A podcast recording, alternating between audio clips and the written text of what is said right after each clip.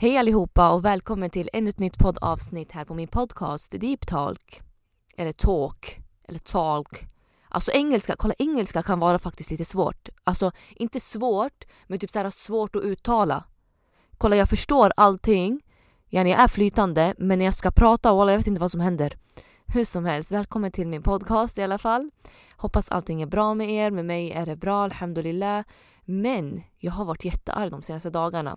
Och det är för att jag har blivit attackerad av rasister. På min TikTok. Alltså jag anar inte, jag har kokat de här senaste dagarna. Och grejen är så här, jag brukar inte få hat. Jag får aldrig hat. Sen det är klart jag har fått så här, några hatkommentarer, men jag bryr mig inte. Eh, men nu har folk så här, alltså folk hatar islam. Alltså jag förstår inte hur hatfull man kan vara. Folk är så hatfulla, alltså det är helt, alltså det är helt sjukt på riktigt.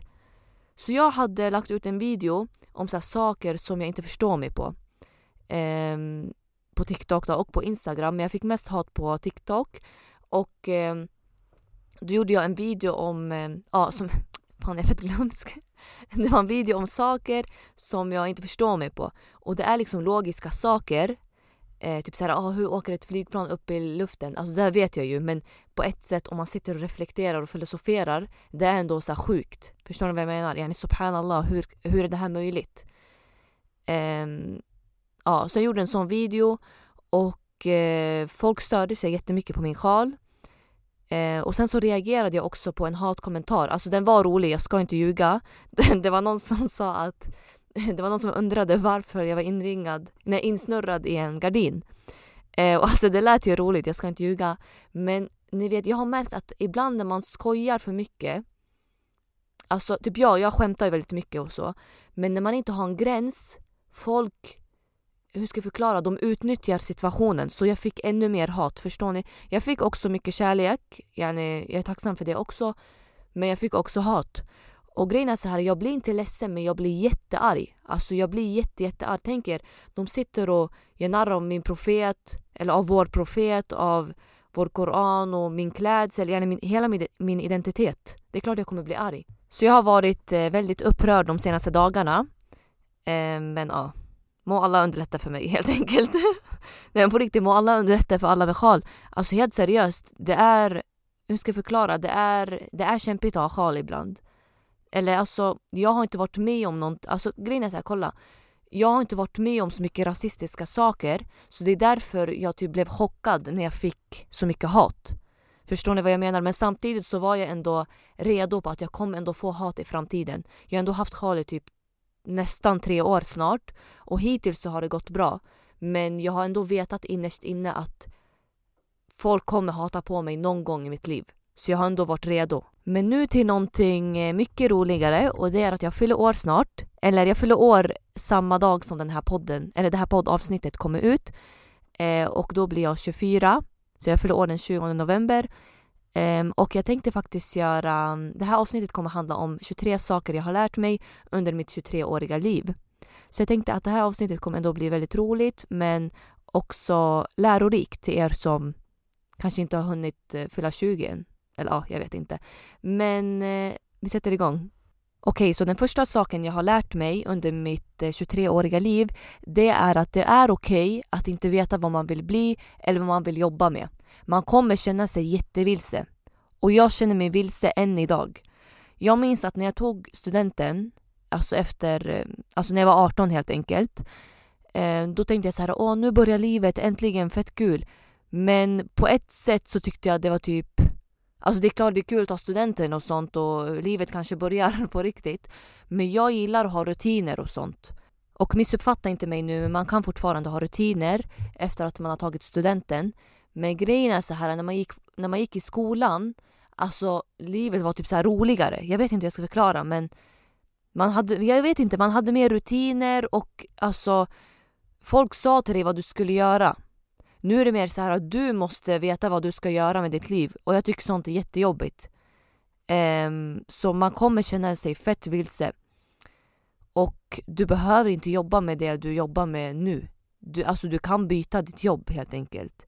Eller om du pluggar någonting och du känner så här, nej men det här är inte min grej. Du kan byta. Alltså utbildning. Så eh, det är okej okay att känna sig vilse. Och jag har bytt jobb flera gånger.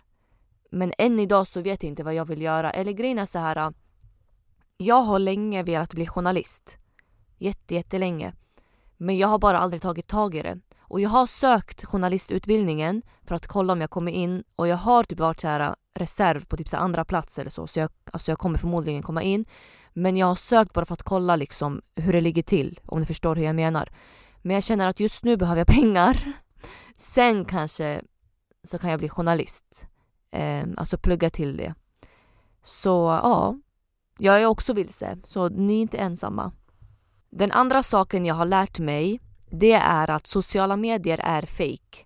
Nu vet jag att många säger det här hela tiden så det låter fett så klyschigt eller vad det heter.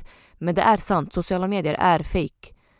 Och jag har ju själv en plattform och yani, jag vet själv att det är fake. Yani, lyssna på mig. Nej, Nej men alltså kolla, det är både fake och äkta. Grejen är så här, äh, man visar ju bara det man vill visa. Man visar ju när man är lycklig och glad, man visar inte när man mår dåligt. Men på ett sätt så tycker jag också det är bra att visa när man mår dåligt och sånt. Eh, jag personligen hade inte gjort det. Eller jag vågar typ inte göra det för att jag känner att det här är privat, det är ingenting jag vill visa folk om man säger så. Men jag vet att många influencers eh, visar när de mår dåligt och sånt. Eller när, de, när någonting dåligt händer dem. Och jag tycker också att det är jättebra att man visar en annan bild på sociala medier. Men många tror typ att alla är lyckliga och att alla har det perfekta livet. Men så är det absolut inte. Jag menar, vi alla är människor och alla har inte ett perfekt liv. Alltså alla har upp och nedgångar hela tiden. Eh, och det här perfekta paret som du ser på Instagram eller på TikTok, de har väl också problem. Men de visar inte det. Eller eh, den där, jag vet inte, den där personen som har köpt den där bilen eh, har kanske också problem. Alltså förstår ni vad jag menar? Vi alla har olika problem. Och om någon lägger ut så här, ja men jag är här, jag är, på, jag är i Dubai, jag är i Paris, jag är i Italien, bla bla. Du vet aldrig vad de, den här personen går igenom. Tro mig. Nu sa jag så att jag är väldigt privat av mig och så, men jag minns när jag var i Paris, det var den jobbigaste perioden i mitt liv. Jag mådde jättedåligt under den perioden. Och in, alltså, jag sa inte det på sociala medier. Det är inte så att jag bara Hej, jag mår dåligt. Men jag tog kort på Eiffeltornet och sånt. Det såg ut som jag levde värsta livet. Men innerst inne så mådde jag inte bra. Så ni ska aldrig döma folk. Och folk lever inte det perfekta livet som ni tror att de lever. Den tredje saken är As-sahib och sahib. Nu kommer ni bara va? As-sahib och sahib? Vad är det för något? As-sahib och sahib betyder Alltså det är ett eh, uttryck på arabiska då. Och det betyder att vännen drar dig. Okej, okay? your friends will pull you. Om man säger så på engelska yani. Lite international. Och det är sant. För dina vänner är oftast en spegelbild av dig. Eller kan man säga så? Ja, jag vet inte. Men ni fattar vad jag menar. Jag skulle leka lite filosofiskt där. Hur som helst. Men det är jätteviktigt att ha bra vänner. Okej? Okay? Och om du inte hittar bra vänner, var ensam. Jag har varit ensam i, i flera år. Jag har också haft vänner, jag har vänner än idag. Men typ nu, jag har ingen att umgås med. Jag umgås inte med folk. Och det är för att de flesta bor i olika städer. Sen har eh, min bästa vän flyttat härifrån och så, så jag har typ ingen att umgås med. Men eh, någonting jag har lärt mig under eh, mina 23-åriga liv, under, mina, under mitt 23-åriga liv, det är att vänner är faktiskt viktiga. Och grejen är så här, jag är en person, jag faller inte för grupptryck. Jag vet att många faller för grupptryck. Eh, speciellt den här, den här generationen, dagens generation, faller tyvärr för grupptryck. Och därför är det viktigt att ha bra vänner. För dina vänner kan uppmuntra dig till att göra saker som är haram. Och eh, jag vill bara tillägga att eftersom jag är muslim, jag kommer utgå ifrån ett muslimskt perspektiv. Så jag kommer inte uppmuntra er till att dricka och festa och sånt. Så ni inte bara, ja ah, men jag gör vad jag vill. Ni gör vad ni vill. Men jag som muslim kommer inte uppmana er till det här. Eh, yani så ni vet. Ja, så många ungdomar kan ha vänner eh, som påverkar dem på ett negativt sätt. Till exempel vissa tar droger, vissa dricker, vissa, vad vet jag, yani de gör saker som är haram. Okej? Okay? Och jag vet att många kan falla för det här. För att de tänker så här, ah, men jag måste passa in, jag måste ha vänner, de kommer snea mig, bla bla bla. Jag tänker så här, om era vänner snear er för att ni inte dricker eller festar eller så, då är de här inte riktiga vänner. Jag personligen, jag har vuxit upp med icke-muslimska vänner. Min bästa vän är inte muslim. Och vi respekterar varandra jättemycket. Yani hon gör sin grej och jag gör min grej. Så vi respekterar varandra och hon vet att jag är praktiserande muslim. Så um, yani, hur ska jag förklara? Vi kompromissar. Eller heter det så? Kompromissar? Jag vet inte. Men alltså vi, har, vi respekterar varandra helt enkelt. Och jag vet att många kanske inte har såna här vänner. Så det blir kanske svårt. Jag har kanske haft tur med att min vän är respektfull och förstående och öppensinnad och så. Men jag tänker så här, om man har dåliga vänner yani, så, som uppmanar en till dåliga handlingar. Alltså tro mig, det är inte värt. Walla, det är inte värt att kasta bort sin akhira för lite dunja-fasoner, om man säger så. dunja-fasoner, nytt ord. Men alltså, jag uppmanar er till att hitta bra vänner, eh, vänner som, har, som är ambitiösa, som har bra mål, eh, som går ut och jobbar, som bidrar till eh, alltså det goda i samhället. Och även någon som ber och som fastar och som gör de här äh, obligatoriska sakerna som vi muslimer bör göra. För eh, asahib och sahib, som jag sa, vännen kommer dra dig så ni kommer göra likadant. Om ni inte kan respektera varandra eller om de inte kan acceptera eh, dig som person, då kommer du tyvärr bli påverkad av dem. Så hitta er bra vänner. Den fjärde saken som jag har lärt mig, det är att det är okej okay att göra slut med vänner. Ibland så händer det att man inte klickar med alla. Eh, och det är okej okay att man avslutar vänskapen. Det spelar ingen roll hur länge man har varit vän med personen. Vad vet jag, ett år, två år, tio år. Ibland så kan man växa ifrån varandra eller så klickar man bara inte med varandra. Man kanske är så pass olika att man inte kan kompromissa typ, alltså mötas halvvägs. Förstår ni vad jag menar? Så jag tycker att det är okej okay att man avslutar en vänskap på ett respektfullt sätt. Så om ni känner så här, jag har en dålig vän som jag inte klickar med eller som, alltså det är bara en vän jag inte klickar med helt enkelt. Jag tycker att det är okej okay att man avslutar eh, vänskapen. Och nu till den femte saken som jag lärt mig. Och det är att dunja är så värdelöst i jämförelse med akhira. Och det som inte förstår, dunja är livet som vi lever i och akhira är efterlivet. Och eh, vi muslimer vi anser att det här livet är ett test och att Allah har bara skapat oss för att vi ska dyrka honom. Alltså att Allah har ändå skapat oss och jinnerna eh, för att vi ska dyrka honom. Så det här livet är ett test. Och ju mer praktiserande man blir så kommer man inse det här. Alltså hur värdelös dunja är egentligen. Förut Alltså grejen är så här. När jag var yngre, kolla hemma har vi alltid varit uppvuxna med att be och så. Jag tror jag har sagt det här i mitt första avsnitt. Jag är lite glömsk, ja, jag kommer repetera lite. Så jag, alltså vi är uppvuxna med bönen och fastan och så. Men alltså under gymnasiet och så, jag var typ fast i dunja. Även fast jag bad och så, jag var typ fast i dunja. Jag hade, eh, jag, jag hade ett väldigt, så här, hur ska jag förklara? Jag tänkte väldigt mycket på det här livet. Jag prioriterade inte akhira. Och ibland, jag tänkte inte ens på att jag skulle dö. Och det här, det här är katastrof, hur kan man tänka sådär? För när man har ett sånt tankesätt då kommer man fastna i dunja helt enkelt. Du kommer fastna i det här livet. Och profeten sallallahu alaihi wasallam sa att det här livet är ett fängelse för den troende men för en icke-troende så är det här paradiset. Jag hoppas jag sa rätt nu. Och det stämmer, för när du ändrar ditt tankesätt då kommer du inse att det här är ett fängelse. På riktigt, för att man går igenom så mycket prövningar och eh, man inser hur misär det här livet är egentligen. Och man får hopp om att man kommer hamna någon, an någon annanstans, alltså i Jannah.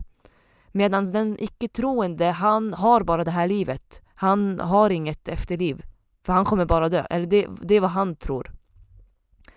Så den här hadisen eh, den är väldigt, hur ska jag förklara, den är väldigt djup. Alltså man förstår mycket när man själv börjar praktisera. Man förstår budskapet med den här hadisen.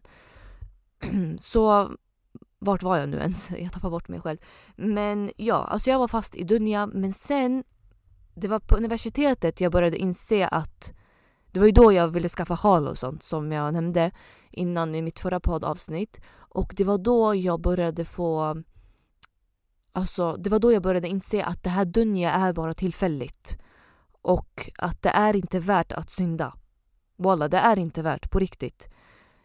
För man vill inte förlora efter livet sen, man vill inte förlora akhira. Och det finns en jätte, jättefin hadis som jag vill nämna här eh, av profeten sallallahu alaihi wasallam. Och han skulle då jämföra det här världsliga livet med akhira.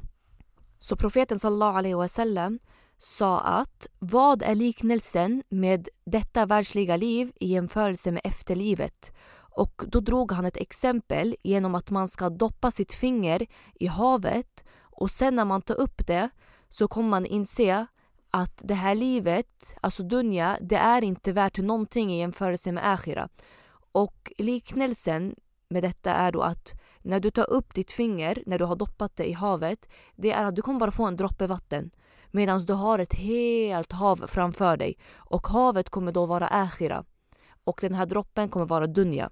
Så det är på riktigt inte värt att riskera sin akhira för lite världsliga grejer. För det här livet är tillfälligt och kom ihåg att vi är på resande fot. Vår destination är inte dunja utan det är akhira som är vår slutliga destination. Den sjätte saken jag har lärt mig, alltså oh my god det är fett många punkter kvar. Vi får se hur mycket jag pallar. Hur som helst, den sjätte saken jag har lärt mig det är att man ska studera på universitetet för det kommer bli lättare för dig att få jobb. Och nu kommer alla bara nej det där stämmer inte bla bla. Alltså stämmer och stämmer men det här är min åsikt. Hur som helst. Men jag tycker så här, kolla det är lättare att få ett jobb om man har en utbildning. Och alltså det, det låter ju logiskt för du är ju utbildad inom det du vill jobba med och du har mer kunskap och erfarenheter. Men jag har märkt att när jag har sökt jobb då har det varit lättare eftersom jag har haft en utbildning. Så jag rekommenderar er det. Och om det är svårt att veta vad man vill göra, googla upp, alltså sök på utbildningar. Liksom, läs om utbildningarna och kolla vad, de, vad man gör helt enkelt inom det yrket. Men det är någonting jag rekommenderar er. Och nu när vi ändå pratar om jobb, den sjunde punkten handlar faktiskt om att det är bra att byta jobb också för att samla på sig flera erfarenheter. Och det är någonting jag har lärt mig under mina 23 år. Och jag vet att ens jobb kan vara yani ens trygga, hur ska jag förklara? Alltså trygga ekonomiska, vad heter det? Alltså det är en ekonomisk trygghet, exakt. Ekonomisk trygghet. Så jag fattar att alla kanske inte vill byta jobb. Men eh, tänk på att ni kommer fylla era CV, alltså ni kommer fylla ut ert CV och samla på er fett mycket med erfarenheter. Um, och jag menar mer typ så här, ja men vi säger som att jag har jobbat på ett jobb i typ så här fem år. Eller typ sju år. Alltså till slut man kanske tröttnar. Så testa på någonting nytt. Alltså byt jobb, kolla funkar det och liksom jobba på ett annat ställe. Och sen vet jag till exempel om man jobbar inom en myndighet så kan man testa på andra jobb typ så här, inom sex månader tror jag. Um, så om ni känner så här, ja men jag skulle vilja testa på det där. Gör det, alltså kolla om det funkar. Den åttonde saken som jag har lärt mig det är att det är okej okay att vara ensam och att inte ha någon att umgås med. Jag vet att många har kanske inte vänner eller att ni känner er ensamma. Och jag är ju inne mycket på TikTok och jag har sett många så här lägga ut att de känner sig ensamma, de har inga vänner. De blir typ så här um, avundsjuka, alltså inte avundsjuka men ni fattar. Alltså de blir typ ledsen när de ser andra ha någon att umgås med. Förstår ni vad jag menar? Och på ett sätt, alltså jag typ förstår hur de känner.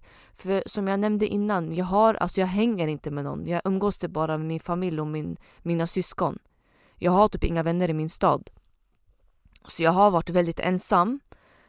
De så här, inte senaste åren, jag vet inte, typ Ja, de senaste åren typ har jag varit väldigt ensam. Och det är okej, okay, walla. Alltså, när jag var liten jag var väldigt rädd för att bli ensam och sånt. Men sen ju äldre jag har blivit, alltså, jag inser att familjen är väldigt viktig. Jag personligen tycker att det är jättekul att umgås med familjen. Och eftersom jag har syskon, alltså vi är väldigt nära i åldern. Min bror är 21 och min syster är 20. Så vi är väldigt nära. Sen har jag en annan syster som är, eh, hon fyller 14. Så mm, på ett sätt, alltså jag är tacksam att jag har syskon som är nära min ålder för då kan vi hitta på saker och så tillsammans. Och jag brukar resa väldigt mycket med min syster och sånt. Så tro mig, ni som känner er ensamma, alltså ni är inte det. Eller alltså det är klart ni är ensamma men jag fattar. Alltså det är fett svårt att förklara. Alltså yani, ni är ensamma men samtidigt ni är inte ensamma för att många känner så som ni känner. Det var det jag försökte säga. Så det är okej okay att inte ha vänner. Tro mig, familjen är viktigast. Och sen ni vet aldrig, ni kanske kommer lära känna nytt folk i framtiden om ni har förlorat vänner eller om ni kanske har haft svårt att lära känna nytt folk helt enkelt. Ni vet aldrig. Men kom ihåg att ni behöver inte ha vänner för att må bra. Lär känna er själva och om ni känner att ja, men ni mår bra av att vara själva, var det. Någonting annat jag har lärt mig under mitt 23-åriga liv, det här är då den nionde punkten, och det är att om någon mobbar dig eller kränker dig, då betyder det att den här personen inte mår bra i sig själv. Och jag vet att många säger det här, men tro mig, det här är sant. För hade den här personen mått bra, då hade han supportat dig, eller hon, om det är en hon. Då hade den här personen supportat dig, eh, motiverat dig, för den här personen vet vart han har sig själv. Förstår ni hur jag menar? Men om någon gör narr av dig, då betyder att den här personen tar ut sin ilska eller sitt mående på dig. När jag var liten då var jag lite dömande. Eller alltså grejen är så här. När jag var liten jag var väldigt blyg och jättetyst av mig. Okej? Okay? Jag hade inget bra självförtroende. Men eh, under gymnasiet jag tyckte att jag var, alltså jag, jag var alltid så tyst och blyg. Jag har alltid varit det. Men det är nu inom de senaste åren jag har blivit väldigt mer social och så. Eh, och jag tror det är på grund av mina sociala medier jag har blivit så. Men om jag jämför mig själv med hur jag var innan eh, då tycker jag att jag var väldigt dömande. Jag kanske inte sa det till folk men jag kunde typ så snea folk. Om någon kanske, jag vet inte, om någon kanske gjorde någonting som jag kanske inte höll med om då typ så här, alltså inne, innerst inne så kanske dömde jag personen om man säger så. Men om jag ska jämföra mig själv med nu så tycker jag att jag har förändrats väldigt mycket som person Gud, min hals är jätteont. Jag har pratat fett mycket så det är därför. Men jag tycker att eh, jag, har inte, alltså jag är inte dömande längre typ. Och jag är väldigt öppensinnad. Och jag försöker respektera alla eh, så mycket jag bara kan. Eh, och jag vet inte, jag tror det handlar om att eftersom jag har förstått religionen mer, jag har kanske sökt mer kunskap, jag vet inte, prioriterat religionen, då har det lett till att jag har blivit mindre dömande. Alltså gud, det låter som att jag skryter nu om mig själv men det är inte min avsikt walla. Utan det är mer att, alltså jag försökte bara jämföra mig själv med hur jag var innan i jämförelse med nu. Och jag tycker att jag har blivit mindre dömande. Men det jag försöker komma fram till är att eftersom jag kanske var lite mer dömande då så kan det kanske bero på att jag hade dåligt självförtroende eller en dålig självkänsla eh, i jämförelse med nu. Så jag förstår när någon säger att om någon kränker dig eller gör så här, då betyder det att de mår dåligt i sig själv. Nu låter det som att jag var mobbare, walla jag var inte mobbare. Jag var typ mobbad själv. På riktigt, jag var typ mobbad. Men jag försöker bara, yani, hur ska jag förklara? Jag försöker få er att förstå mer att Alltså det, det, kan bero på det, eller det beror på det. Oftast så mår man dåligt i sig själv så man vill ta ut sin ilska på folk. Så om någon mobbar er eller kränker er, då mår de dåligt i sig själva. Och eh, jag kan relatera till det här för jag har fått mycket hat som jag nämnde innan och oftast så mår de här personerna dåligt själva. Jag hade aldrig suttit och skrivit till folk. Vi säger som att jag stör mig på någon. Det är inte så att jag sitter och skriver till människan. Ja, ah, jag hatar dig, du är så ful, du ser ut som en kråka, bla bla bla. Alltså, vem skriver en sådär? Helt seriöst. Det här betyder att personen mår inte bra. Så det är mitt råd till er att om någon kränker er då betyder det att de mår dåligt i sig själva. Och nu till den tionde saken jag har lärt mig. Och det är att vara alltid dig själv. På riktigt, var alltid dig själv. Ingen bryr sig om dig, helt seriöst. Världen är så stor att ingen bryr sig. Om du vill ha rosa hår, ha rosa hår. Vill du ha sjal, ha sjal. Vill du gå runt med, vad vet jag, vill du gå runt med en klänning, gå runt med en klänning. Ingen bryr sig. På riktigt, ingen bryr sig. Och bryr sig någon, vem bryr sig? För vi alla kommer dö och ligga under en grav. Helt seriöst, vi alla kommer dö och ligga under en grav. Så hur kommer folks kommentarer gynna mig? Ha inte sheep mentality. Jag tror sheep mentality betyder flockmentalitet. Och det är då att man följer majoriteten. Alltså man gör det andra gör bara för att passa in. Till exempel om det finns systrar som strugglar med sin hijab. Tro mig, alltså deras kommentarer kommer inte gynna er sen i graven. Walla om någon säger till er att ta av din hijab eller du ser ut som en gardin som jag fick, du ser ut som en gardin. Eller är det påsk, du ser ut som en påskkärring. Hur kommer det här hjälpa dig sen på domedagen? Om någon sitter och säger så till dig. Du kommer inte hjälpa dig. Yani, hur, hur, vad ska du säga sen till Allah när du står framför honom? Ja, men jag tog av mig hijaben för att eh, en sa till mig att jag ser ut som en påskkärring. Alltså förstår ni vad jag menar? Ha inte cheap mentality. Jag ska ge ett exempel. När profeten sallallahu alaihi wasallam, när han fick eh, sina uppenbarelser och eh, yani, budskapet om att sprida islam sa han då emot nej. Han fortsatte sprida budskapet och många var emot honom. Quraysh, hans folk, var emot honom. De ville döda honom. Och eh, jag minns, jag kollade på en film, den heter Risala. Eh, och det är då, den beskriver profetens liv. Och man fick då se hur mycket profeten sallallahu alaihi wasallam och hans sahaba, alltså kompanjoner, hur mycket de slet. Folk kastade stenar på dem, de ville döda dem och allting bara för att de ville sprida islam. Och eh, Quraysh, alltså hans stam, erbjöd honom om att bli kung och allting, om att få mer makt. Men bara han inte spred den där religionen. Och han sa nej. Han bara nej, jag kommer inte göra det här. För han visste att islam är sanningen, så varför ska han backa bakåt? Förstår ni vad jag menar? Han fortsatte kämpa tills att budskapet kom ut till folket. Så var alltid er själva och skäms aldrig för hur ni ser ut, hur ni pratar, vad ni har för religion eller allt möjligt. Skäms aldrig. Var stolta över er själva. Den elfte saken som jag har lärt mig är att gå ut och res. Okej? Okay? Jobba och gå ut och res. Tro mig. Okej, okay, jag är ändå 23, eller jag kommer bli 24 imorgon då. Um, så jag har, ja inshallah, jag har hela livet framför mig. Nu vet inte jag hur länge, kom, hur länge jag kommer leva. Men ja. Men mitt råd till er är att jobba och gå ut och res. Alltså tro mig, det är bästa upplevelsen. Och det här citatet som min syster till mig, för jag brukar resa med min syster. Hon bara Tala, pengar kan du jobba upp. Men tiden kan du aldrig ta tillbaka. Så passa på och res. Så det här citatet har jag alltid i hjärnan om jag känner för att jag vill resa eller om jag ska slösa pengar. För det är sant, om vi ändå har ett jobb, vi kan ändå, alltså vi kommer ändå få en lön. Förstår ni? Så gå ut och res. Den tolfte saken är testa på nya saker. Och den här liknar mycket det här med att man ska vara sig själv. Men eh, testa på nya grejer. Walla. Om ni känner så här, ah, jag vill flytta till en ny stad, flytta, testa på. Eller om ni vill eh, byta jobb, okej okay, byt jobb. Eller om ni vill eh, flytta utomlands, testa att flytta utomlands. Alltså man förlorar ingenting på det och det är inte så att din stad, vi säger som att du är uppvuxen i Stockholm, det är inte så att Stockholm kommer flytta på sig ifall du väljer att flytta utomlands. Yani, du kan alltid flytta tillbaka. Så testa på nya grejer. Den trettonde saken som jag har lärt mig, kolla det här är nog det bästa rådet jag har fått eh, under hela mitt liv och det här är någonting jag kommer ta med mig hela livet. Och det är att berätta aldrig era planer för folk. Det spelar ingen roll om det är era vänner, er familj, eh, fågel, er hamster, vad vet jag. Säg aldrig era planer, för folk kan förstöra. Och ibland behöver det inte ens vara någonting, hur ska jag förklara? Ibland behöver det inte vara någonting taskigt, alltså om du berättar någonting till dina vänner. Ibland så Alltså hur ska jag förklara? Ibland så behöver du inte säga bara. Säg bara när allting är färdigt.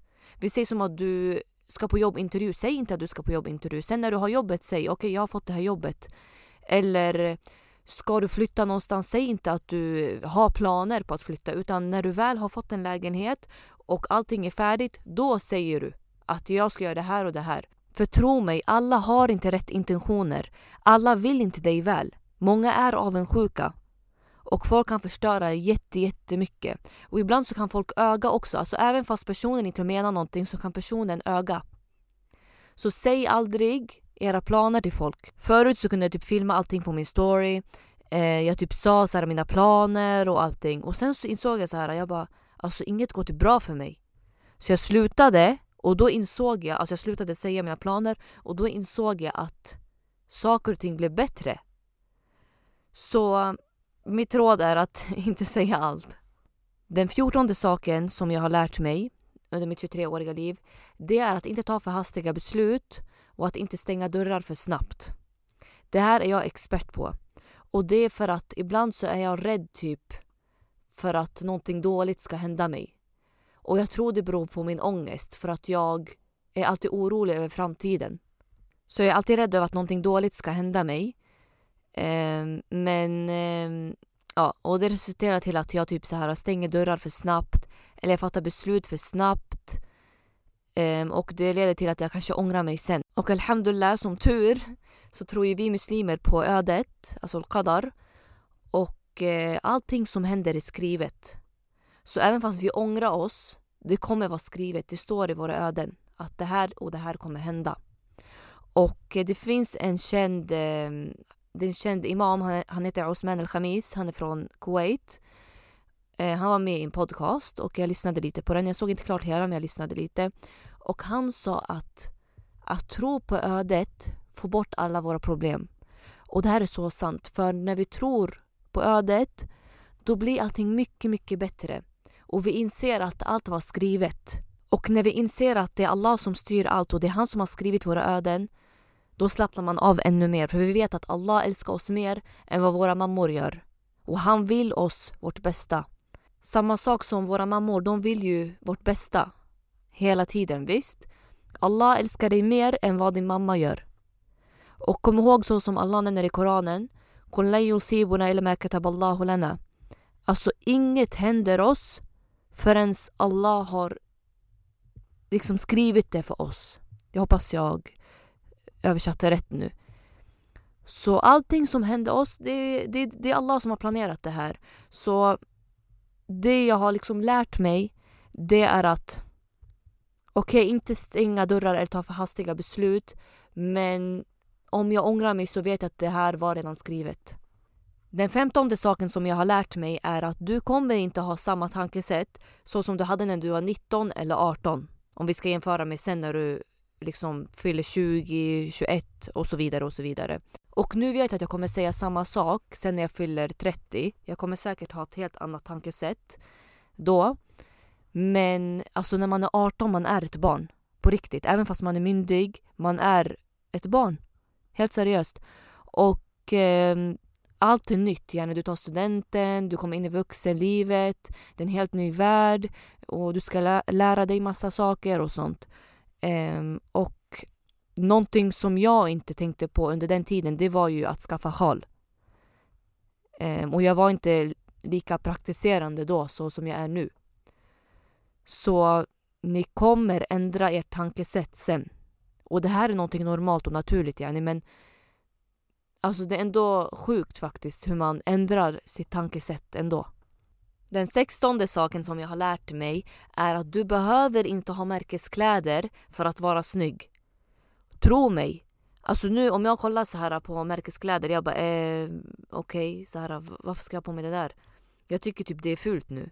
Eller alltså det är klart det finns fina märkeskläder men ehm, typ alltså jag minns när man var yngre man ville ha så här vad, vad heter det Gant och Peak Performance och vad mer för märken? Jag vet inte. De här vad heter det? Rikmansmärken? Nej, Nej men eh, jag minns att man ville alltid se ut som alla andra. Eh, men tro mig, du, du kan hitta kläder som är mycket billigare och mycket snyggare. Det är inte värt. Sen alltså, jag har inget emot folk som vill ha märkeskläder. Alltså, det är fint yani, jag ska inte ljuga. Men jag vet att när man är ung, man vill se ut som alla andra. Man är ung och dum, som man säger. Men tro mig, ni behöver inte ha märkeskläder. Jag minns att, eh, alltså som jag sa, man vill ju alltid se ut som alla andra. Men jag minns att när jag var liten, jag ville, vad heter det? Jag ville ha Gant och jag ville ha Peak Performance och det var något till märke, jag minns inte. För alla andra hade de där märkena. Och de var fett dyra ändå. Alltså, vad kostar Gant ens? Eller de kanske inte är så dyra men alltså vi är ändå många syskon, vi är fyra barn och tänker om min mamma ska gå och köpa Gant till alla barn, alltså det, det blir dyrt. Så jag minns att jag såg fram emot att börja jobba så jag kunde köpa det där. Sen när jag väl jobbade och köpte, jag bara eh, alltså det här var inte så, så, så som jag trodde. Alltså det var inte wow längre. Fattar ni? Så ibland så tror jag att om man drömmer sig bort, det är roligare än att yani, vara i verkligheten. Alltså fattar ni? Det är lite svårt att förklara. Den sjuttonde saken som jag har lärt mig det är att man aldrig ska jämföra sig själv med andra. Och Alltså det spelar ingen roll vad personen har. Du ska aldrig, aldrig jämföra dig själv. För du vet aldrig vad personen går igenom. Så som jag nämnde innan. Man ska aldrig jämföra sig själv. Och tänk inte så här, ah, men den här personen har det här och det här och jag har inte det här, när kommer jag få det här? Men du vet aldrig vad Allah har planerat för dig. Allah har kanske planerat någonting ännu bättre för dig. Och så som jag nämnde innan, allting står i ditt öde. Och när man tror på ödet, tro mig, allting blir så mycket bättre och du slappnar av mer. Samma sak som när du åker ett flyg, du litar ju på piloten, visst? För piloten har kunskap, han vet hur man kör ett flygplan. Litar inte du på Allah? Om du jämför dig själv med andra, då tycker jag att du ska stärka din relation med Allah mycket mer. För att när du lär känna Allah mer, då kommer du inse att allting har sin tid. Och att Allah ger dig det som är bäst för dig. Och inte det du vill ha. Ibland är vissa saker inte bra för dig. Så du ska aldrig jämföra dig själv med andra. Den artonde saken som jag har lärt mig och som jag kommer ta med mig under hela mitt liv, det är att man ska lära sig av sina misstag och säga förlåt. Be om ursäkt. Om du har sårat någon människa, be om ursäkt. Säg förlåt, jag har gjort fel. Jag hoppas du kan ta emot eh, min ursäkt. Du är inte svag bara för att du säger förlåt till någon. Om Allah kan förlåta folk och ta emot deras ånger, vem är då du att inte kunna förlåta någon? Vi människor är ingenting, vi är bara slavar till Allah. Så hur kan vi vara så arroganta och inte be om ursäkt eller inse våra egna misstag? Så det är någonting jag har lärt mig och någonting som Islam har lärt mig också. Att säga förlåt. Och nu när vi ändå pratar om misslyckanden eh, så är den nittonde saken som jag har lärt mig är att man ska inte se misslyckanden som någonting dåligt. Ehm, och jag, som jag nämnde, jag är typ alltid rädd att jag ska göra fel. Speciellt när jag jobbar. Eller jag har nämnt det här innan i mina andra poddavsnitt. Och det är att jag är alltid rädd att jag ska göra fel. Men alltså, du kommer göra fel någon gång. Förstår ni? Och jag är så här, nej men jag vill inte göra fel. Men någon gång kommer du behöva misslyckas på jobbet. Men se det här som någonting positivt. Du lär ju dig av dina misstag. Eller om det är någonting helt annat som man gör i livet. Det behöver inte bara vara inom jobb. Um, man lär ju sig av sina misstag. Det här är någonting jag också kommer ta med mig under hela livet. Och det är att yani, du är inte misslyckad bara för att du har misslyckats. Utan se det som någonting positivt. En lärdom. Den tjugonde saken som jag har lärt mig det är att spara pengar så fort man får möjligheten att jobba. Alltså så fort du får ditt första jobb, börja spara. Och eh, speciellt om du bor hemma, för tro mig, sen när du flyttar hemifrån, det kommer bli jättesvårt för dig att spara pengar. För det är så mycket utgifter. Du ska betala hyra, du ska betala, ja, du ska handla mat, eh, vad mer? Du kanske behöver betala vatten och el, och allt det där. Så ibland blir det svårt att spara. Men så fort du har fått ett jobb eller så fort du har möjligheten till att spara, spara, tro mig. För du kommer ångra dig sen. Okej, vi börjar närma oss slutet. Jag har typ tre punkter kvar. Men den 21 saken som jag har lärt mig, det är att våga söka hjälp om man mår dåligt. Och att det är okej att söka hjälp. Många ser, alltså hur ska jag förklara? Många ser typ så här att söka hjälp eller att gå och prata med en psykolog som någonting dåligt eller att du är svag bara för att du mår dåligt. Men att må dåligt är normalt. Alltså vi alla mår dåligt. Det handlar bara om att vissa kanske inte pratar om det öppet. Och det är okej att gå och prata med en psykolog eller med en läkare eller mm, med någon person som du kanske litar på. Det betyder inte att du är svag. Och tyvärr, många inom vår community, alltså inom den muslimska community, inte alla, men vissa, Vissa tror att ah, men om du mår dåligt det är för att du har en låg iman eller du har en dålig iman. Men det behöver inte alls vara så. Du kan ha en jättestark iman och vara en praktiserande muslim eh, men samtidigt lida av depression eller ångest. Jag menar Allah subhanahu wa ta'ala prövar oss alla på olika sätt. Vissa får depression som en prövning, vissa får ångest, vissa får cancer, vissa blir kanske, de får problem med ekonomin, med fattigdom alltså, eller så prövar Allah med rikedomar också. Så det behöver inte betyda det, att du har en dålig iman. Men självklart så är religionen också super, super viktig. Yani, jag menar om du kanske är deprimerad och du ber inte och du fastar inte. Okej, okay, kolla lite på din ibada. Hur, hur gör du? Ber du dina böner? Fastar du? Läser du tillräckligt med Koran? Så där, om det brister där, okej okay, börja med det där. Sen om du känner så här, nej men det funkar fortfarande inte. Okej, okay, sök hjälp. Liksom professionell hjälp. För Islam uppmanar oss till att söka eh, yani, professionell hjälp, alltså att vi går till läkaren och så. Jag menar om jag har brutit mitt ben, det är inte så att jag går och ber och gör dua utan jag går ju till, eller det är klart jag ber och gör dua men jag går ju också till läkaren. Yani, Islam uppmanar oss att gå till läkaren och ta mediciner också. Så det är inget fel på det. Profeten Muhammed sallallahu alaihi wasallam hamnade faktiskt i en depression under en period och under den tiden så fick han inte uppenbarelser eh, av Allah så han trodde att Allah hade övergett honom Eh, och att han var missnöjd med honom. Så han blev väldigt deprimerad under den perioden. Men jag tror också att det var en period då han eh, förlorade sin fru Khadija, rätta mig om jag har fel. Så därför var det en väldigt jobbig eh, period helt enkelt. Och då kom surat ad-Duha ner. Det är ett jätte, jättevackert kapitel i Koranen och jag kan läsa lite utifrån det och Allah subhanahu wa ta'ala säger då att din herre har inte övergett dig och du har inte väckt hans missnöje. För profeten trodde ju att Allah var missnöjd med honom, vilket han inte var. Och sen så säger Allah också att وَالْآخِرَةُ خَيْرٌ لَكَ مِنَ الْأُولَى Alltså akhira, alltså efterlivet är mycket bättre för dig än det första, alltså dunja. Och sen så säger Allah وَلَسَوْفَ يُعْتِيكَ رَبُّكَ فَتَرْضَى Och din herre ska skänka dig sitt goda i överflöd och du ska bli helt nöjd. Så den här versen, eller det här kapitlet är väldigt, väldigt fint och jag tror det är också rekommenderat att läsa det när man är deprimerad. Så um, om ni mår dåligt, sök hjälp. Det är inte fel att söka hjälp. Och nu till nummer 22. Den 22, säger man så, 22 saken jag har lärt mig. Och det är att söka kunskap. Okej? Okay? Och eh, framför allt, alltså förutom islamisk kunskap men också Yani var allmänbildad, alltså läs böcker, sök kunskap. Förstår ni ingenting, läs på. Fråga. Det är inte fel att fråga. Och om ni har fördomar, fråga folk. Fråga de som är kunnigare än er. Tro mig, vi alla har våra fördomar. Och det lättaste sättet för att kunna bli av med dem, det är att söka kunskap. Jag hoppas att någon rasist hör det här avsnittet så ni kan lära er lite. Men tro mig, fråga på ett fint och respektfullt sätt. Det är en helt annan grej ifall man frågar, typ så här, alltså dumförklarar någon. Det där är en helt annan grej. Men om du genuint är nyfiken, jag tycker inte det är fel att man frågar någon så här, ja men varför har ni sjal på er? Varför ber ni? Vad tror ni om det här? Eller någonting helt annat. Alltså jag tycker inte det är fel, för vi lär oss utifrån att fråga. Eh, så sök kunskap. Och jag minns att förut, eh, okej okay, nu till något helt annat typ, men eh, förut så hatade jag att läsa. Alltså jag tyckte att det var jättetråkigt att läsa, men jag tror det handlar om att jag läste inte någonting intressant.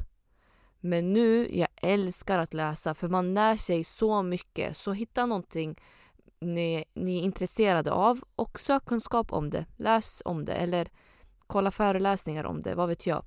Så eh, mitt råd till er är att söka kunskap. Och nu till den 23 och sista saken som jag har lärt mig under mina 23-åriga år. Det är att prövningar behöver inte alltid vara någonting dåligt. Och ni vet själva att jag har pratat mycket om prövningar och sånt, hur man ska hantera det. Eh, jag har tagit upp det mycket i de andra avsnitten. Eller jag tror det. Ja, jag vet inte. Jag är lite glömsk. Eh, men prövningar behöver inte alltid vara något dåligt.